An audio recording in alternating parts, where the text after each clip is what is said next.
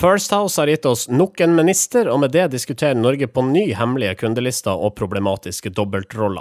Vi skal til 1400-tallet i tidsmaskin, du får flatindeksen for mars, og Lillebabs er død. Dette er NIR, velkommen.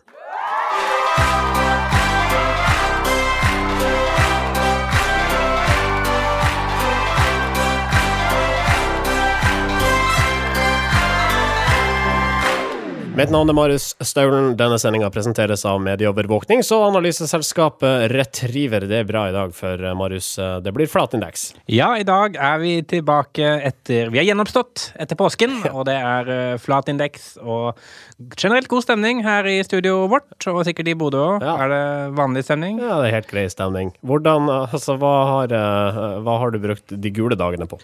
Eh, først var jeg jo eh, uka før de gule dagene, så var jeg, når, jeg, når dere hadde Christian eh, Kamhaug som vikar, så var jeg i Syden, på Gran Canaria, som er blitt nevnt tidligere. Eh, det var en veldig, veldig morsom sending. Jeg lo eh, opptil flere ganger. Det var gøy å høre på NIR uten å vite hva som skal skje. Det, nå vet jeg hvordan dere lyttere har det, og jeg er misunnelig. Eh, de gule dagene var jeg på fjellet, blant annet, og ved sjøen. Så jeg føler jeg har fått alle mulige typer topografi i løpet av disse siste to ukene. Så bra. Sindre Holm er redaksjonssjef for Sindres Tidsmaskin. Hvordan har du kost deg i påsken? Jeg har ikke så mye å melde.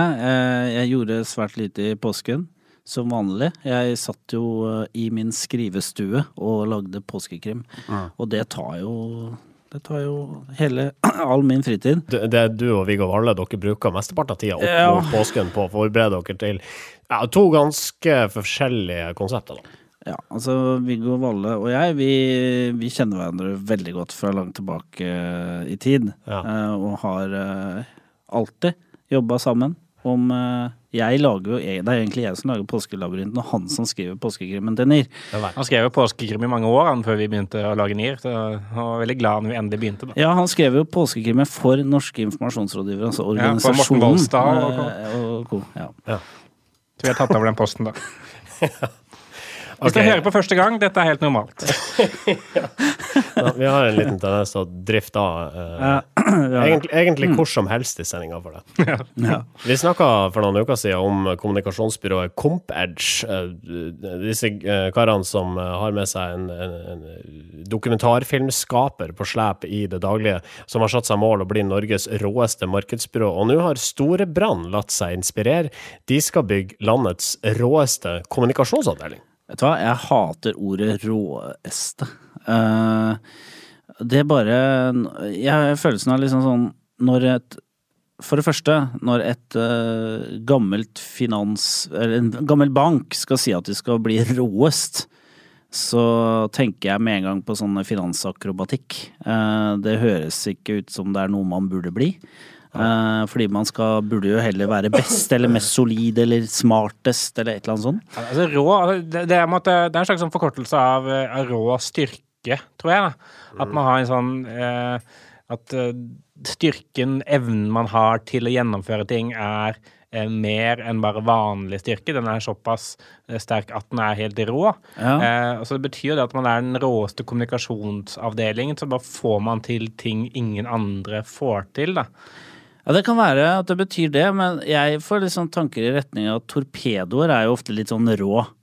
Og når ja. man driver med finans, så bør man kanskje ikke ha de assosiasjonene til merkevaren. Men eh, så altså Dette, dette råbegrepet er ikke eh, så kult, egentlig. Det irriterer oss bitte litt, ja. Eh, kan du si. Men de, de, søker da altså en, en person da, til Norges råeste kommunikasjonsavdeling. Og hvis du har følgende personlige egenskaper, så kan det hende at du passer inn. Hvis du er offensiv, selvgående, initiativrik, ser muligheter, griper dem når de oppstår, kombinerer strategiske egenskaper med sterk gjennomføringsevne, har høyt tempo, evne til å håndtere mange aktiviteter samtidig, god samfunns- og forretningsforståelse, der er kanskje mange GK-rådgivere som kan passe inn, mm. eh, god til mm. samarbeid og bygge relasjoner i og utenfor selskapet, også i privatliv, og nytenkende og kreativ. Ja. Da dette utgjør en rå person, mm. da syns jeg du skal sende en søknad hvis det er deg. Ja. Hvis du ikke har selvinnsikt, søk på jobben. All right. Da sparker vi i gang denne sendinga. Norske informasjonsrådgivere. Regjeringa har ansatt nok en PR-rådgiver. Tor Mikkel Wara er ny justisminister etter partikollega og aktmodell Sylvi Listhaug. Men allerede før Wara er i gang med politikergjerninga, så møter han motbør, melder Dagbladet. Det at en tidligere PR-rådgiver skal styre justissektoren, svekker folkestyret her til lands. Det sier Bjørnar Moxnes til Dagbladet, og han rister på hodet samtidig som han sier det, hevder avisa. Ja, uh, Bjørnar Moxnes er Nå har han avsatt uh, en justisminister, på en måte. Mm. Uh, og nå er han ikke fornøyd med den han har fått i retur, eller som erstatning. Uh, så han, han, mener jo det at det, det er problematisk at uh, Tor Mikkel Wara med bakgrunn fra First House blir ny justisminister. For jeg mener at Wara han er vel det er en slags sånn politisk eliteperson som har solgt Eh, makt eh, gjennom sitt virke i First House i mange år, og nå får han makt.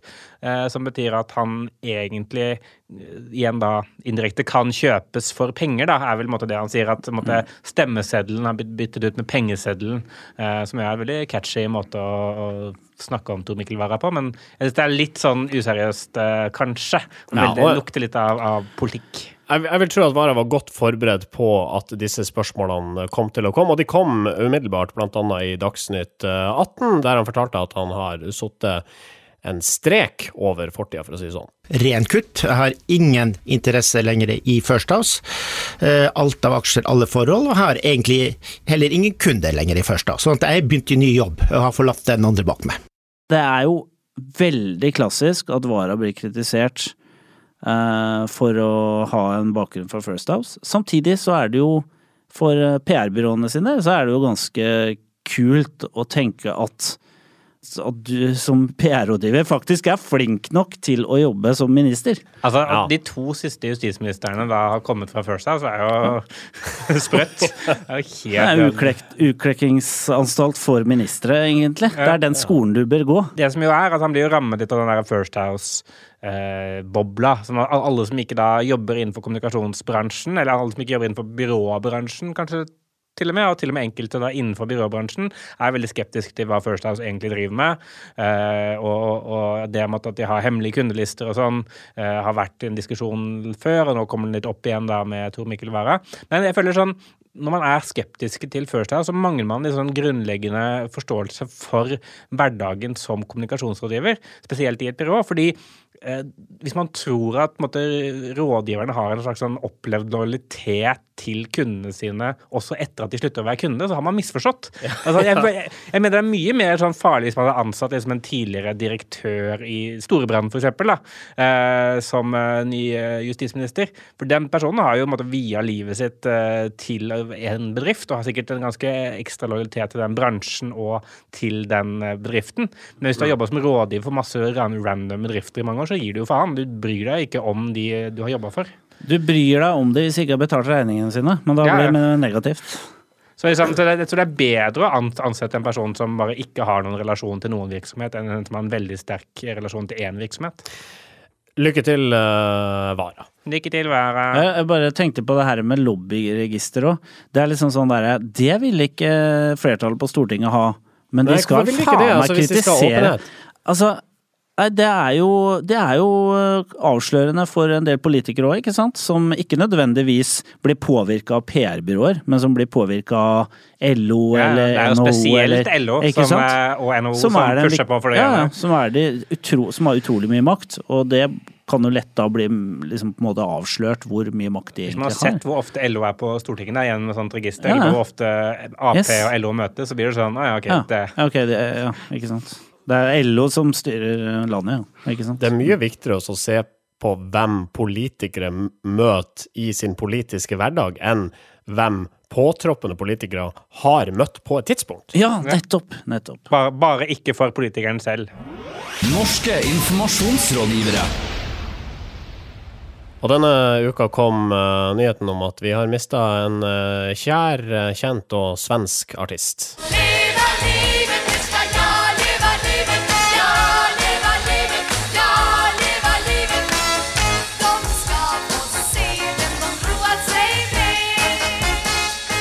Ja, Lill Babs er død. Det meldte alle skandinaviske medier tirsdag, og de slo det opp med store fonter. De gjorde det, eh, og det var jo eh, som om det skulle være et sjokk. Men Lille Babs, hun er jo 80 år, da. Og hvis vi ser på snitt Ja, var 80 år, stakkar. Hvis vi ser på snittalderen til svenske kvinner, så er den rundt 82. Så, så, det var egentlig litt før tida, ja. men absolutt ingen, ingen uh, Innenfor feilmargin, med andre ord. Innenfor feilmargin. Uh, NRK Satiriks, de, uh, de dro tidlig til med uh, ja, hva skal vi si, spøk rundt dette dødsfallet, med en passende sak. Overskrift 'Derfor døde Lillbabs'. Ingress bakgrunnen for den folkekjære artistens død. Og i brødtekst får du grunnen til at uh, Babs nå er borte. Hun var veldig gammel. Jeg synes jo, altså de, de, var ute med denne saken allerede samme formiddag, som ble kjent at eh, Lill Babs var, var gått av med, med død. Den evige pensjon, osv. Um, hun ja, det er kanskje feil å si. Men de måtte altså fjerne denne saken da, fordi, fordi folk reagerte. De syntes det var too soon, og, og kanskje spesielt fordi hun var uh, svensk. Så kunne det hende at hun hadde pårørende, slekt og venner og familie i Norge. Mm. Så NRK beslutta å fjerne saken av hensyn til de pårørende. Men jeg syns ikke det Altså, Det at de fjerna den, som kanskje var riktig hvis man skal være, liksom, ta hensyn til folk, da, ja. som jo er viktig, så betyr ikke det at måtte, satiren ikke treffer. Fordi jeg tror vi alle følte litt på det sånn derre jeg, jeg, føler alltid på sånne der saker når gamle folk dør. Eh, spesielt sånne gamle, kjente artister. Det er første, første tanken min er sånn Ah, hun levde inntil nå. Eh, jeg trodde hun var død for ti år siden. Ja, ja, Så jeg synes, det var sånn altså, Oppslaget sånn, Lill Babs har levd inntil i dag, det synes jeg har vært en mye større nyhet enn Lill Babs er død. Ja. Grunnen til at det blir store oppslag, er fordi man måtte alltid ha gjort det til store oppslag. Og kanskje for de personene som da har en opplevd sterk relasjon til, til f.eks. Lillebabs, vil, vil kanskje sette pris på å vite at det har skjedd. Men, men spørsmålet er om det er som et hovedoppslag på samtlige nettaviser i flere timer, også da i nabolandet. Nå, nå har, jeg, har, ikke jeg det konteksten av levd liksom, i tida hvor Lillebabs var stor, så jeg vet ikke helt sånn Hvor stor var hun egentlig? For det, jeg har heller ikke Nei, Hun var ganske stor. Altså, hun var en superkjendis både i Norge og Sverige på sånn 80-tallet og tidlig 90-tall. Hun var liksom Sveriges Wenche Myhre. Med masse sånn personlige problemer og skandaler og Selv om den største hit vel er fra 50-tallet, så liksom klarte hun å leve på Se og Høre ja, som Se og Høre-kjendis da, i 40 år etterpå. Jeg føler Når man skal slå opp så stort, så bør man si har hun vært i mediene de siste ti årene. da. Mm. Ikke sant? Eh, nei, hvis hun ikke har vært det, da kan vi si at da har hun på en måte vært død. I sånn i ti år, da, kan man jo måtte argumentere for. Så kanskje man heller burde altså En ting som vi vet kommer til å skje, da.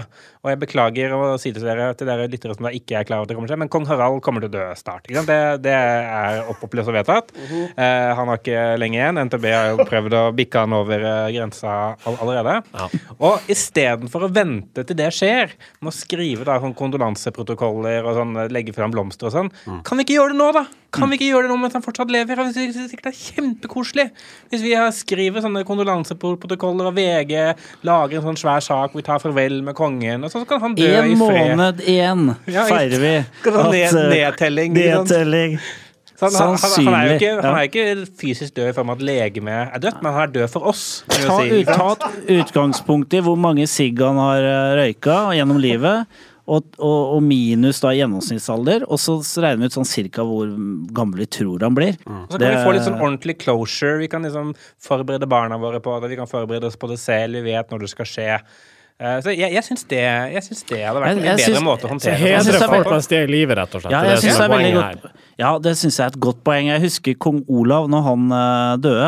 Og da var det jo lys over hele Slottsplassen. Jeg tenkte faen, så kjedelig at ikke han fikk se det ja, før han daua. Det, sånn, det, er noe ironisk over det, at du blir feira etter at du er død. Uh, når du egentlig kunne sett at ok, nå får jeg også med meg min egen begravelse, nesten, uh, før jeg dør. Uh, bør man brande som noe annet enn en sånn derre farvel? Jeg tenker uh, Det er fort gjort å bli smådeprimert og slikt. I gamle dager så ble folk dytta utfor et stup når de var gamle nok. Var såpass gamle at de ikke var til bruk mer. Ble, ble de da? ja, det, det, i veldig gamle dager. Altså, nå, nå, fortsetter vi litt på det sporet som Satiriks har begynt på, men, ja. men poenget for det står likevel at jeg, jeg, opplever ikke at det er relevant for meg som nyhetsleser å få masse masse saker og kommentarer om at Lillebabs er død. Nei. Og jeg føler heller ikke at det kommer til å være relevant for meg da og når uh, kong Harald uh, dør. Så jeg vil heller få liksom, mer kontekst rundt livet han har levd mens han fortsatt lever. Det synes jeg er mye mer interessant. Og så er det mm. mange som kanskje ikke er enige med det, men jeg vil utfordre mediene på måten man dekker kjendisdødsfall på. da. Ja. Mm. Gutenberg. Pergamentrull. Tresko.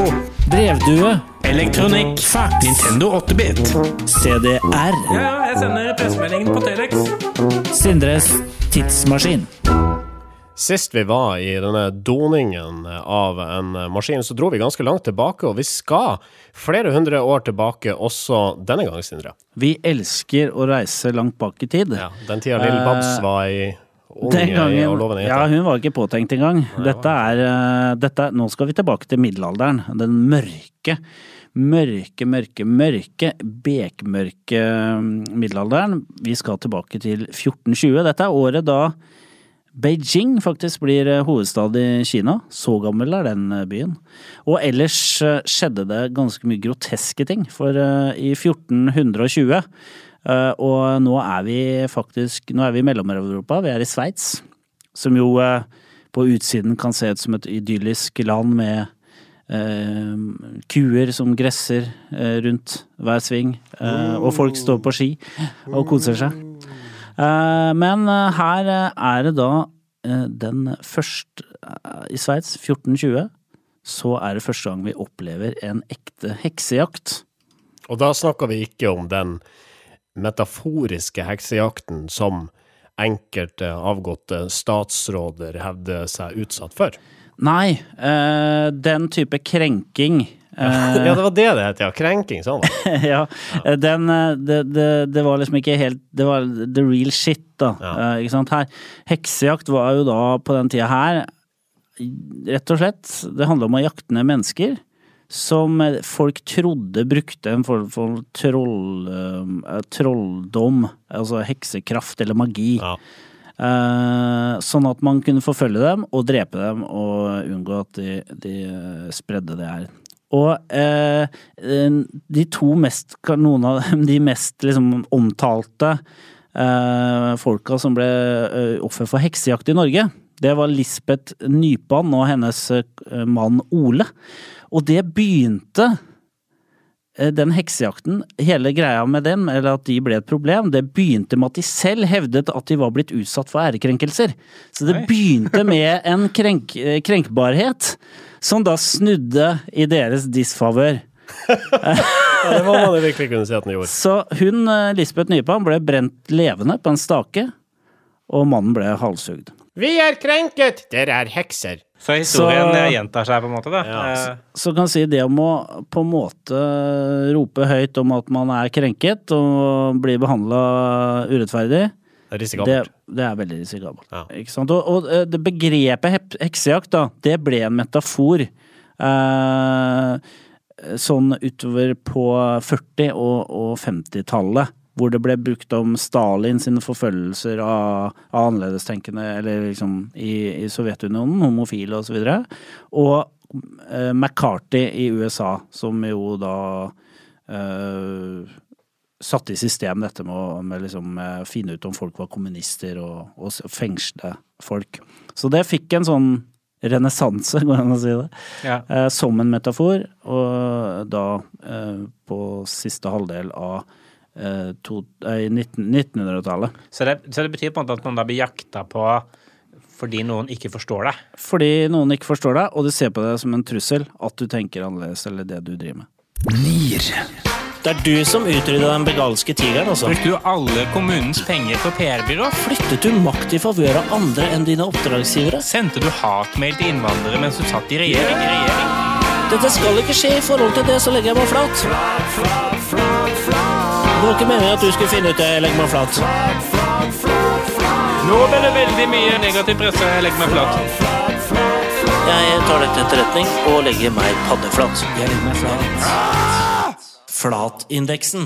vi analyserer mediebildet, dvs. Si Marius analyserer mediebildet hver måned, og sjekker hvor mange ganger har noen sagt 'jeg legger meg flat', 'vi legger oss flat', tilsvarende ting. Vi liker ikke flatlegging som konsept, fordi at man bruker det ofte bare for å slippe å, å, å svare for de, de teite tingene man har gjort. Ja, stemmer. Og, da bruker vi verktøyet til, til medieovervåknings- og analyseselskapet Retriever, nemlig Retriever, for å, å finne ut uh, hvor mange det er som har lagt seg flat i måneden som har gått. Ja. Teller opp, og, og så, og så trekker, trekker, jeg fram tre saker sånn som jeg beit meg merke i når jeg drev og leste gjennom eh, alt vi av flatlegging. Vi retriever eh, faktisk eh, så mange saker. Ja, yeah, so we, we, we, retrieve the month mm. that have been. Uh, og vi skal etter hvert få opp noen grafer sånn som vi kan legge ut på facebook.com slash Nircast, sånn at dere kan se med egne øyne hvordan altså flatheten utvikler seg gjennom året.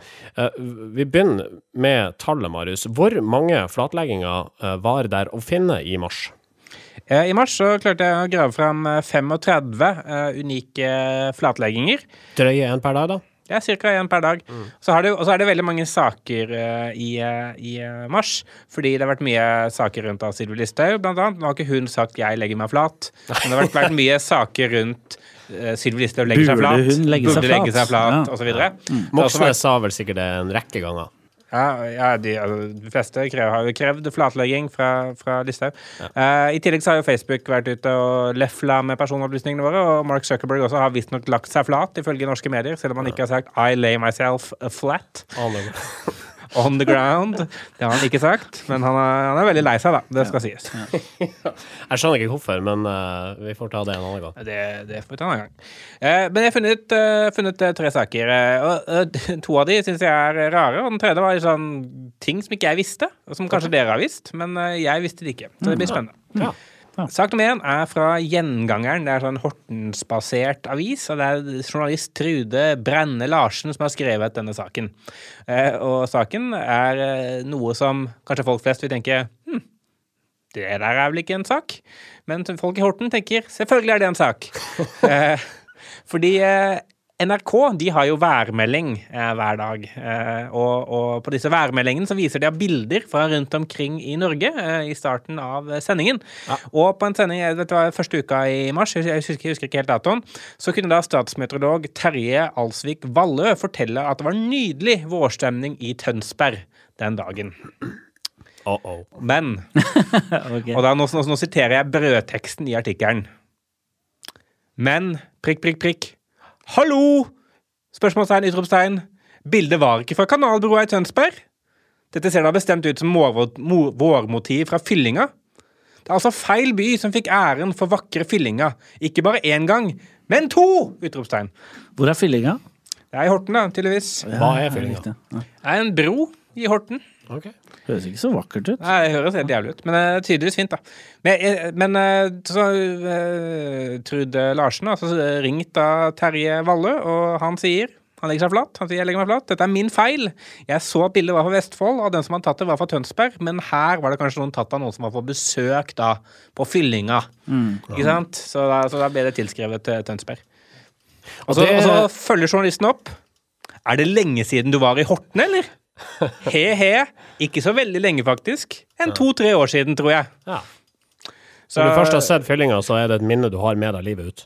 Fyllinga er en av de få eh, broene over kanaler som kan ses eh, fra månen, eh, tror jeg. Ja. Jeg bare synes Det var en morsom sak. En morsomt skrevet. Bruk av muntlig form i, i journalistisk skrevet tekst. Det får dere altså i gjengangeren. Ja, så vil jeg si, legge til en sånn saksopplysning om fyllinga. fordi Navnet kommer av at eh, kanalen i Tønsberg ble gravd ut for å For å, for å Å ja. Der, Nå gjorde der, ja, det, kommer til å bli sak om det er gjengangeren uh, Sindre Holme. Nei, altså det, for, å skape, for å klare å bygge en kanal i Horten, så måtte man jo eh, fjerne en del masse. Og der den massen ble liggende, det er da fyllinga. Så det er området rundt småbåthavna i Horten vi snakker om her. Ja, riktig, riktig. OK, neste sak, Marius. Neste sak er fra tel, Telen. Telen. Ja.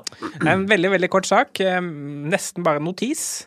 Og her er altså da Telen Avis selv som legger seg flat. Eh, overskrift 'Beklager, Kjell Vidar'. I onsdagens Bil i Notodden kom vi i skade for å kalle Kjell Vidar Ørting for Helge ved noen anledninger. Ved noen anledninger. I artikkelen 'Skal ikke gå i pensjonistfella'. Vi klarer ikke å forklare hvorfor Helge dukket opp, men legger oss flate og beklager. Vi har for øvrig rettet opp feilen på telen.no. Skal vi eh, Eller nå skal vi til den saken du altså lot deg fascinere av. Ja. Eh, fordi denne Sylvi Listhaug-saken, som jeg var inne på i starten eh, Det var et oppslag i Drammens Tidende fra 16. mars. Eh, og her eh, er det en person som heter Jon Helgheim. Vet dere hvem det er? Høres litt kjent ut. Jon Helgheim er altså en Fremskrittspartipolitiker Ja, okay. som er særdeles opptatt av innvandring, Jeg står Ja. på Wikipedia-siden hans. Og han skriver 'Jeg gir en uforbeholden unnskyldning'. For det er nemlig han som først skrev Facebook-innlegget som Sylvi Listhaug eh, siterer i sitt berømte bilde. Arbeiderpartiet er mer opptatt av terroristers rettigheter enn det norske folk. Ja. eller et sånt. Men han skrev dette her dagen før i en Facebook-post. Ja. Og Sylvi Listhaug har visstnok tatt det fra han. Så han gikk ut i Drammens Tidende og beklaga helhjerta, samtidig da som Sylvi Listhaug var og beklaga eh, halvveis helhjerta på Stortinget. Han var med helhjerta enn henne. Men jeg bare synes det var så rart. Jeg har ikke fått, fått med meg dette i det hele tatt. At, at alt dette her stemmer fra Jon Helgheim. Eh, og, og at, eh, at det er han som liksom virkelig er mannen bak eh, dette, dette sitatet. Det føler jeg har forsvunnet helt. Så jeg tenker bare, jøss, Er det bare jeg som er dum og ikke har fulgt med i, i nyhetene? Men uh, ifølge Drammens Tidende så er det altså godeste Helgheim som, Ja. som står bak. Det var ikke engang en original tanke. Jeg føler meg, jeg føler meg litt sånn snytt, faktisk. All right, det var flatindeksen for eh, mars. Tusen takk, Mari Storgelsen. Vær så god. Norske informasjonsrådgivere. Uh, på tuppen her, reklamebyrået Isobar har lansert et helt nytt VR-produkt, nemlig virtual reality for katter. La oss høre et klipp. The design needed to be intuitive to a cat's entertainment needs, but also comfortable. And cats are curious by nature. They love to play. We use that as inspiration to create some amazing content. Advances in technology shouldn't just be limited to humankind. We believe Cat VR is just the beginning. Jeg trodde det her var en uh, aprilspøk når jeg så det først. Er det ikke det? Uh, de der små VR-brillene. Saken ligger jo ute. Det er jo lagd eh, forsknings... Uh, det er jo stort sånn white paper eh, på dette her. Og hvordan eh, katter eh, senser ting og så videre. Og så har jeg laget sånne katte... Ja, VR-briller i katteformat. Og må jo være kødd. ut, utgangspunktet til Nei, dette er gjort i samarbeid med Dyrehagen i, en, i, en, i Melbourne. Uh, og er ikke kødd, faktisk. Men uh, problemstillingen er at uh, det er veldig mange katter som, eh, som går løs i Melbourne, og de eh, sliter litt med å håndtere det andre arter som finnes rundt omkring i lokalmiljøet. Og eh, de har lagd VR-briller for katter, for at kattene skal kunne oppleve mye mer eh, innendørs, da. Altså, de skal være inne, men oppleve utendørs. ja. Og hvordan de har klart å lage innhold som får katter til å tro at det de ser faktisk er ekte, så her må jeg si da har du innsikt, vil jeg si da. Jeg, jeg nekter å tro at dette er ekte. jeg, jeg, altså, jeg lo da, da jeg så den reklamen eh, som vi spilte et lydklipp eh, fra, for de sier mange sånne byråting, Ja. og, så, og så snakker de om kundene som da er katter. Men jeg hadde jo forventa meg, hvis det var aprilspøk, så hadde de tatt ned siden, eller skrevet uh, gotcha, eller et eller annet. Eh, der, eh, så det er eh, ekte, og de har vunnet priser for det her òg, vet du. Eh, og, og er nå kåra til et av de mest innovative reklamebyråene i verden pga. en katte-VR. Og det sier litt om sånn ilands... Kan, kan hvordan, line, eller? i, hvor viktig det er å løse ilandsproblemer, da. uh, hvis du kommer over eh, noe dokument på at dette faktisk er ekte, så kan du dele med oss da, Sindre. Ja. For jeg og Marius, vi eh, forholder oss enn så lenge skeptisk. Så før dere ser en eh, katt med VR-briller, så kommer dere aldri til å godta dette her. Nei. Um, hvem var det som drepte Sylvi Listhaug, Sindre? Hvem var det som drepte Sylvi Listhaug? Dette er da påske... Uh, altså, vi la ut en, uh, en påskekrim i forrige uke. Ja, vi, kal, vi kalte jo et, uh, en påskekrim, men det var jo egentlig et evangelium om Listhaug vi lagde. Ja. Eh, og den handla om egentlig Ja, sånn som eh, han gatekunstneren borte i Bergen eh, kom litt seint i gang med. Eh, det var å portrettere Listhaug som en Messias, og det var det vi gjorde med Ja. denne påskekrimmen vår, da. Men hun ble drept, da. Hun ble jo drept, da, men når du ikke på en måte finner noe lik, kan du da, og du er ganske sikker på at den som ble drept faktisk sto opp igjen, kan du da dømme noen for drapet? Nei, var min konklusjon. Eh. Så du mener Pontus Pilatus ikke har noe skyld i Ja, jeg ville skrevet om historien eh, der. Og, ikke den såkallede Ja. morderen? Han vaska jo også hendene sine for å vise at eh, jeg har ingen, ja, ingenting med dette å gjøre. Pontius Pilatus, som i ettertid faktisk viste seg å være uskyldig. I hvert fall etter lovteksten på den tida. Man kan ikke si at han direkte Nei, eh, altså, direkte, pinte kanskje, kanskje indirekte bidro han til Jesu død, men eh, han ba jo om det sjøl, Jesus. Han gjorde det. Ja, han gjorde jo det. Men, men var det altså ingen morder? Jo, det var det, ja. Det er jo veldig vanskelig å si.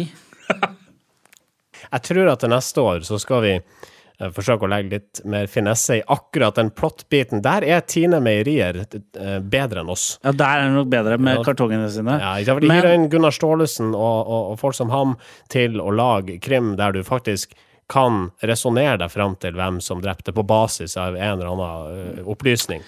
Ja, jeg er litt dårlig på å lage sånne, hva skal jeg si, tankekart før jeg for, begynner å skrive historien. Historien Jeg begynner et sted i historien og slutter et sted. Ja, For du er veldig fo- fokusert på språklige bilder. Det føler du Ja, er veldig god på. ja, Beskrive ja. stemninger og, og Det er jo det radio handler om, vet du. Ja, Det er å lage bilder i folks hode, og det, det er det jeg tar på alvor. Ok, Um, vi er tilbake igjen om ei uke. Uh, I mellomtida så finner du oss på facebook.com slash Nearcast. Vi er på altså, overalt der du hører podkaster, så jeg gidder ikke å si det engang. Uh, men uh, hvis du liker det du hører, eh, klikk deg gjerne inn i iTunes, gi oss noen stjerner og akkompagnert av en tekst. Da blir vi kjempeglade. Eh, vi høres igjen om sju dager, da, og fram til da. Ha det bra! Norske informasjonsrådgivere.